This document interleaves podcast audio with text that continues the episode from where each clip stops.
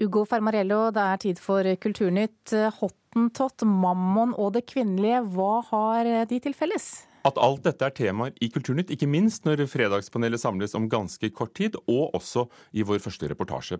Skuespillere tar nemlig et oppgjør med gammeldagse holdninger til hva det vil si å være kvinne nok og mann nok, og en av dem er Espen Klaumann Høyner. Denne uken holdt han en appell på seminar om kjønnsbalansen i norsk film. Høyner mener Den norske teaterhøgskolen tviholder på gamle kjønnsroller.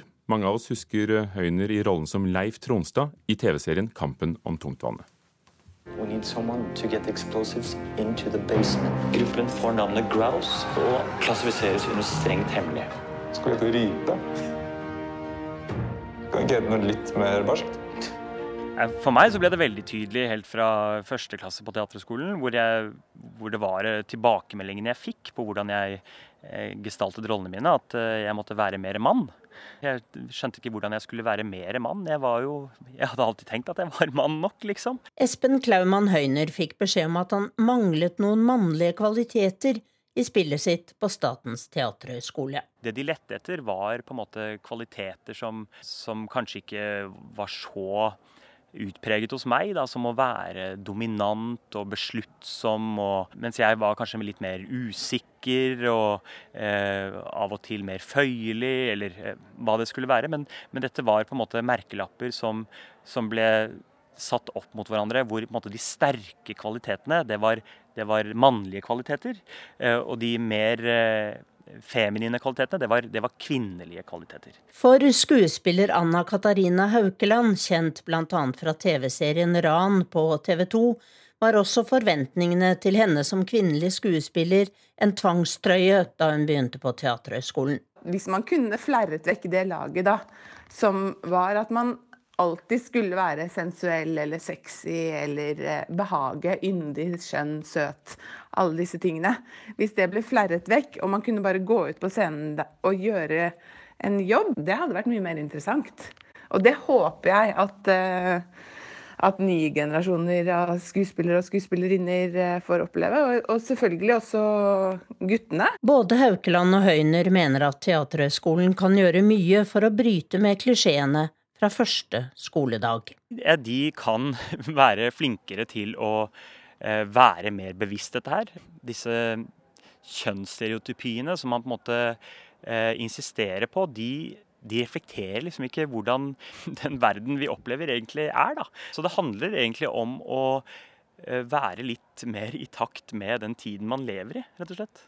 Og, det, og det, det blir, oppleves jo begrensende for publikum at kvinner bare kan være slik og slik, og menn kun kan være slik og slik. På dagens teaterhøgskole, som er en del av Kunsthøgskolen i Oslo, er Jon Mo dekan. Det var en periode på Teaterhøgskolen hvor, man, hvor det var én type skuespillermetodikk som var veldig dominerende det har skjedd ganske mye på Teaterhøgskolen de siste årene i forbindelse med bevisstgjøringen av kjønnsrepresentasjon. Nå for så har vi en arbeidsgruppe som jobber med hvordan altså med tekstene vi skal bruke, f.eks. hvordan vi kan unngå nettopp stereotype fremstillinger av kjønn i de rollene. Og det sa altså dekan ved Teaterhøgskolen Jon Refsdal. Reporter var Tone Staude. Jeg ønsker velkommen til Kulturnytts fredagspanel, Sigrid Hvitsten, kulturredaktør i Dagbladet, Knut Olav Åmås, direktør i stiftelsen Fritt Ord, og Katrine Aspås, skribent og forfatter. God morgen, alle sammen. God morgen. God morgen. Vi begynner litt der vi slapp nå, med dette med kjønn og skuespill. I mange tiår har norsk filmbransje forsøkt å rette opp kjønnsbalansen med tiltak og seminarer og programmer, og har nå lykkes med å få 30% kvinner i norsk film. I Sverige derimot er det andre boller. Så vi har vært veldig tydelige med at vi ville nå målet 50-50. Og så var jeg veldig tydelig med at jeg ikke er redd for kvotering. Anna Serner, direktør ved Svensk Filminstitutt. Er det bare å gi opp i Norge? Er norsk film en bransje mest egnet for menn, Sigrid Hvitsten? Nei. Nei. Ja. Hvorfor er det blitt sånn, Katrine Aspaas? Jo, men du tuller, men eh, det ligger noe bak det, som vi vet. Åh, det ligger så mye bak dette her. Altså, det ligger så mye bak eh, kjønnsstereotypier. Så det ligger jo langt dypt. Det, eh, det de snakker om, er jo roller som hvis du skal ta et ord som skam, da, så, det, så, er det jo Det som trigger skam hos menn, er jo å være svak. Det som trigger skam hos kvinner, er å ha dårlig kropp og sånn at det er liksom eh, gamle kjønnsroller som surkler under her. Og det er jo vår alles vilje til å være villig til å se på dette her på, på andre måter. Har de bedre vilje i Sverige, da? For der har de altså nye filmer hvor uh, halvparten er laget av kvinner og halvparten av menn. Og i Norge er det altså 30% og da regner vi alle som er med på en film, da. Altså, Norsk eh, filmbransje fremstår eh, for oss utenfra som veldig tradisjonell. Altså, Den eh, bygger opp om gamle kjønnsstereotypier. Uh, og f.eks. hvis man ser på hvilke filmer som har vært de storfilmene, de store dragerne de siste årene, så er det mannefilm. Det er Max Manus med mann i hovedrollen, det er Kon-Tiki med menn. Det er stort sett filmer som løfter opp den tradisjonelle mannsrollen. Eh, og hvis man skal forandre på dette, så må man se på de underliggende strukturene. Ikke bare i om man skal få inn flere kvinner i forskjellige roller, man må gå liksom ordentlig til verks. Si at nå vil vi ha manus med kvinnelige hovedroller og sterke kvinner. Og En av de fineste norske filmer jeg har sett det siste tiåret, har vel bare kvinneroller. Det er Dag Johan Haugeruds eh, 'Som du ser meg'. En fantastisk film som bare ble sett av noen, noen få titusener, tror jeg. Men jeg er nok for at uh, altså det er miljøene og bransjen sjøl som må gjøre noe med tenkningen og kulturene sine. Uh, det er klart uh, man kan kvotere politisk, som man gjør i det, det merkverdige landet Sverige, men jeg syns ikke Hun har faktisk ikke... ikke brukt kvotering, sier hun, hun, men hun truer med det. Ja, ja. Det, jeg syns ikke det er en god idé i, i, kreative og kunstneriske miljøer. La bransjen ta, ta ansvar sjøl. Og så er det jo ikke sikkert at eh, sluttresultatet i ethvert miljø skal være 50-50. Det, det, kan jo tenkes at ikke alle profesjoner tiltrekker seg begge kjønn hele tida. Det fins eh, kjønnsforskjeller som gir seg uttrykk i ulike ønsker. Det ser vi når vi gransker utdannings- og yrkesvalgstatistikker. Det er ikke alt som skal være 50-50. Men bransjen må, bransjen må gjøre sjøl det som skal gjøres. Men det som, er, altså det som veldig ofte trekkes frem, da, mannefilm Jeg er helt, eh, helt enig med Sigrid at det er uh, ofte mannefilm som, uh, som blir løftet fram i Norge. Men jeg tror rett og slett at vi har fått et vannskille med TV-serien Skam. Jeg er nødt til å Det ordet og det, det ligger og surker under igjen. fordi at der er, jo, der er det jo 50-50 eller 70-30 kvinner. kvinner. altså Du har jo Julie Amdam som faktisk har laget filmen. sånn at det, det, det skjer et vannskille nå, og hele med metoo også. Alt dette her henger sammen. Fordi eh, det, det fins masse sånn kategorier som eh, er i endring. Altså, Norsk eh, filminstitutt har jo drevet med moderat kvotering eh, i mange år. At de har av og til favorisert eh, manus eh, med eh, kvinnelige forfattere eh, framfor menn. men det har kanskje ikke fungert så bra som det burde, da. Så det kan hende at man burde tenke på litt hardere lut. I motsetning til Knut Olav, mener jeg det. Mm. Ja. Nå kom jeg på en morsom forklaring på hvorfor det er så mange mannefilmer som gjør suksess. Det er fordi norske filmskapere og skuespillere er til dels så dårlige på realistisk dialog at de greier Det er etter skam! Er det riktig å rette skuespillerne? Kan det være regissører og ikke minst manusforfatterne? Jeg sa regissørene også. Vi vet jo hvordan sånn. de sliter. ikke sant? Skam er et eh, godt unntak på, eh, det er ikke noe unntak, det er et vannskille. Jeg husker vi en, jeg en gang med noen venner hadde en uh, diskusjon. Hvem er den norske urmannen i film? Altså, Hvem er urmannen i norsk film? Og det er utrolig mange urmenn i norsk uh, film. Men det er ikke så mange kule kvinner, da. Handler dette når det gjelder bransjen? Så er mange kule kvinner i norsk oh, ja, film. Masse. Nei, altså på, på, på, på, liksom på, på lerretet? Ja, ja jeg syns det. Eh, hun som spilte i alle Hva må være Enerød-filmene. Jorunn Jorunn Kjelsby. Ja, ja, ja. Vi stopper ved Jorunn Kjelsby.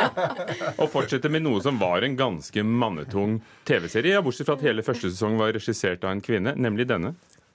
Pappa, det er ikke jeg som er viktig nå. Det skal ikke ut før etter at jeg har gått av. Dette er jubelen da TV-serien Mammon andre sesong vant pris eh, for beste internasjonale serie under Emmy-utdelingene i New York. Og det er da alle i verden, unntatt USA. Først ble den stemte som beste europeiske, og så den beste eh, i, i verden. Eh, dette har jo vært et mål lenge, også politisk. Betyr det at Mammon er en mesterlig serie? Ja. Ja, iallfall god. Nei, må jeg nesten si, da. Og likevel når de opp. Hvorfor? ja. Nei, eh, jeg var en av de som elsket å diskutere Mammons eh, diskrepanser, kan man si, da. Eh, da den gikk, og syntes det var egentlig veldig stor stas, for det er alltid veldig gøy med sånne serier som samler folk i en stor diskusjon. Og hva var det som ikke stemte med den, da? Disse diskrepansene som du Nei, Det var jo mange løse tråder som aldri ble uh, nøstet opp osv. Men det er egentlig irrelevant hva uh, vi mener om serien. Det er jo det at uh, en Eh, pris som Emmy handler like mye om eh, networking og bygging av posisjon over tid eh, som at serien er fantastisk. Dette var jo en serie som delte kritikerne. Dagbladet ga den en toer, men tviholdt på at de kunne godt gitt en ener. Og andre ga seksere og var storartet begeistret. Knut Olav Åmås, er det kvaliteter eller nettverksbygging? Ja, Det er nok begge deler. Jeg tror Sigrid Witzen har rett i det. Men uh, Mammon var en positiv overraskelse for meg. Jeg syns det var spennende og hadde et plott som fungerer, og psykologi og til og med dialoger som hang sammen. Og god kommunikasjon er ofte ikke så vellykka i norsk uh, spenningsdrama, men jeg satt uh, klistra og syns Mammon er minst halvparten så god som de meste danske, og da har vi kommet et stykke. Den når ikke helt opp til Broen for min, eh, for min del. Jeg håper Broen også har fått Emmy. Har den det? Ikke som eh, jeg vet om. Men NRK har fått Emmy før, for en barneserie i 2013.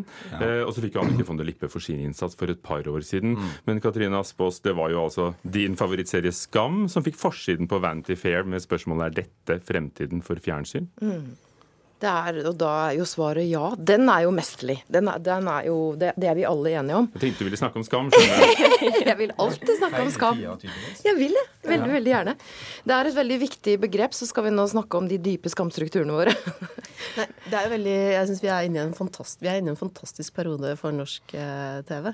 Eh, det skjer masse på mange forskjellige steder.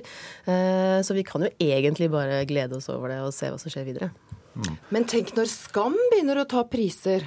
Da tenker jeg vi begynner å se utvikling. Ja, det har vel fått noen priser allerede.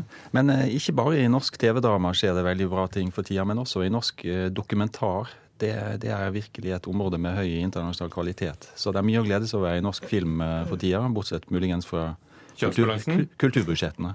Eh, fordi, ja, for du tenker på at, eh, at forslaget til neste års statsbudsjett reduserer eh, filmpotten med 16 millioner kroner, kanskje? Ja, for eksempel.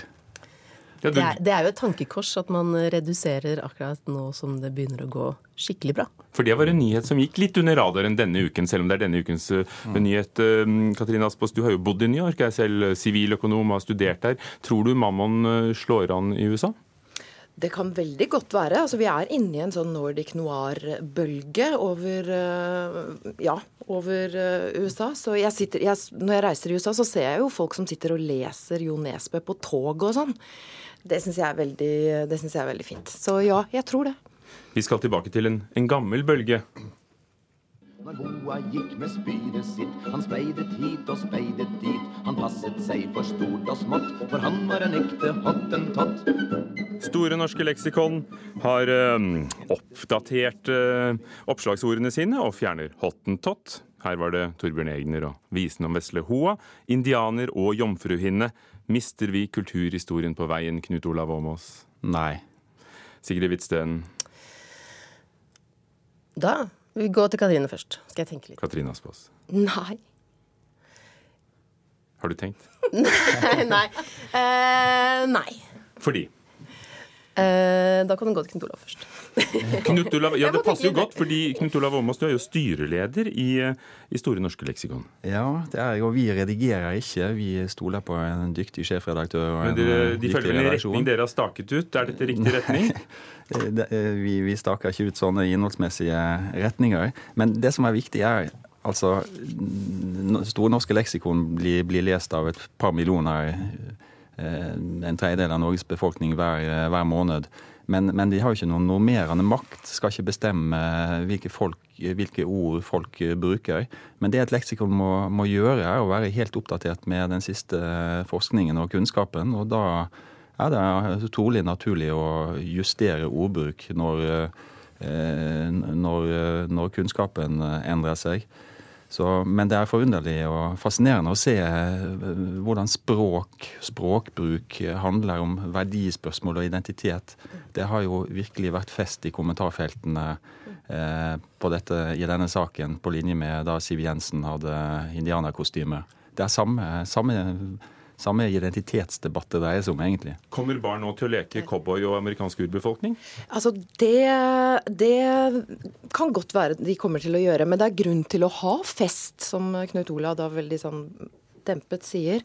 For det er en fest når uh, samfunnet utvikler seg, og det er det som skjer her.